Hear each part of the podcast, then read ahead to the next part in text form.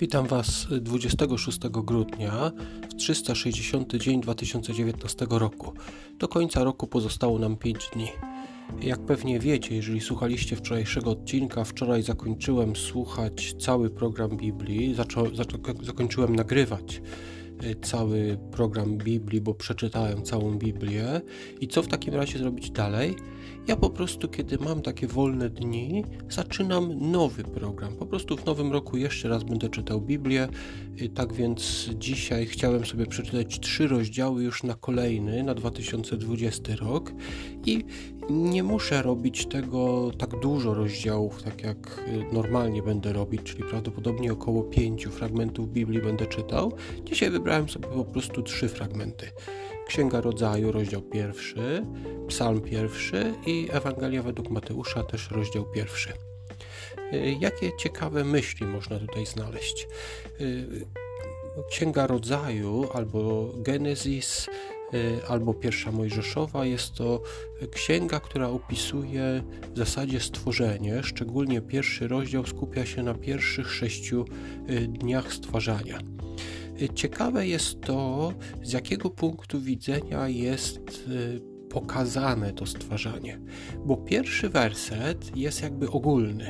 Pierwszy werset czytamy tak: Na początku Bóg stworzył niebo i ziemię, czyli jesteśmy, nie wiem, gdzieś we wszechświecie i widzimy, że Bóg stworzył niebo, czyli nie wiem, wszystkie planety, wszystkie gwiazdy, galaktyki, wszystko, i potem także ziemię. Ale ciekawe jest to, co czytamy później od szóstego wersetu. W zasadzie nawet wcześniej, od trzeciego wersetu. Wtedy Bóg rzekł, niech stanie się światłość i stała się światłość.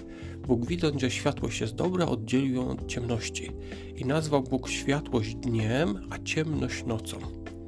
I potem może szósty jeszcze też. Potem Bóg rzekł, niech powstanie sklepienie w środku wód i niech oddzieli jedne wody od drugich. Zauważmy, kiedy Bóg stworzył niebo, czyli w niebie galaktyki, gwiazdy, wszystko, to światło tam już było. Dlaczego później w trzecim wersecie y, jest światłość oddzielona od ciemności? Y, dlaczego w szóstym wersecie mowa jest o sklepieniu? Dlatego, że od tego trzeciego wersetu my znajdujemy się jako obserwator, znajdujemy się na Ziemi i z Ziemi obserwujemy to. Wyobraźmy sobie, że jesteśmy na Ziemi w momencie jej stworzenia i jest tak gęsty jakiś pył, że nic nie widać, i w pewnym momencie y, to ten pył być może opada i zaczyna być widać źródła światła. I w dzień widzimy, że przychodzi słońce, i potem przychodzi, ziemia się obraca, i my nie widzimy, widzimy ciemność. Potem znowu Ziemia się obraca, widzimy y, Słońce. Może jeszcze nie jako źródło tego światła, ale widzimy, że światło skądś dochodzi.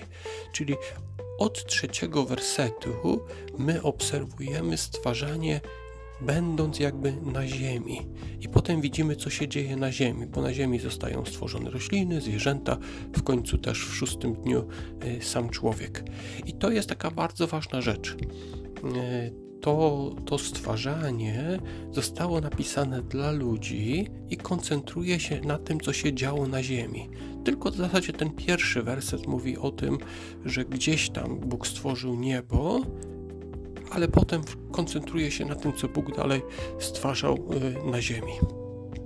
Myślę, że to jest taka taka bardzo ważna myśl, która pozwala lepiej zrozumieć nam Księgę Rodzaju, ten pierwszy rozdział, że to jest napisane dla jakby kogoś, kto mógłby obserwować, gdybyśmy tam byli, to jakbyśmy mogli stamtąd jakby obserwować to. E, Psalm pierwszy jest to jeden z tych fragmentów biblijnych, którego w zasadzie nie trzeba chyba tłumaczyć. Może jako przeczytam w przekładzie Biblii Tysiąclecia. Psalm pierwszy. Szczęśliwy mąż, który nie idzie za radą występnych, nie wchodzi na drogę grzeszników i nie siada w kole szyderców, lecz ma upodobanie w prawie Pana i nad jego prawem rozmyśla dniem i nocą. Jest on jak drzewo zasadzone nad płynącą wodą, które wydaje owoc w swoim czasie, a liście jego nie więdną. Co uczyni, pomyślnie wypada. Nie tak występni, nie tak. E, są oni jak plewa, którą wiatr rozmiata to też występni nie ostoją się na sądzie, ani grzesznicy w zgromadzeniu sprawiedliwych, bo Pan uznaje drogę sprawiedliwych, a droga występnych zaginie. Myślę, że tutaj chyba nie ma co tutaj tłumaczyć.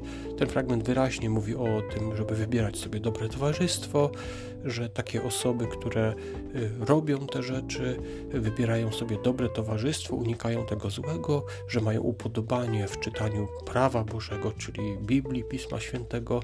Takim osobom dobrze się powiedzie, a y, tym innym oczywiście wręcz przeciwnie. I na koniec może jeszcze Mateusza, rozdział pierwszy. Mamy tutaj rodowód Jezusa Chrystusa od strony Józefa. To są wersety od 1 do 17, a wersety 18 do 25 to, są, to jest opis narodzin Jezusa. O tym, że Józef chciał opuścić ciężarną Marię, ale później miał sen i pozostał. Tych dwóch Ewangeliach, chodzi o Ewangelię Mateusza i Łukasza, mamy rodowód Jezusa, ale on się troszeczkę różni, te dwa rodowody. Na przykład Mateusz pisze o potomkach Dawida i jego syna Salomona, a Łukasz o potomkach Dawida i jego syna Natana. Tak więc Mateusz pisze o rodowodzie przez Salomona, a Łukasz o e, rodowodzie przez Natana, syna Dawida. Dlaczego ta różnica? Mateusz pisze o Jakubie, ojcu Józefa, męża Marii, a Łukasz o Helim, ojcu Józefa, który, jak mniemano, jest ojcem Jezusa. I nie ma tutaj błędu. Józef był synem Jakuba, a Maria córką Helego. Nazwanie Józefa synem Helego oznaczało po prostu, że Józef jest jego zięciem. I tu jest taki problem. Czasami y, w Biblii na przykład określenie brat może oznaczać kuzyn, może oznaczać kogoś dalszego, jakąś dalszego krewnego. I tak samo tutaj syn może oznaczać wnuka, albo może też oznaczać zięcia.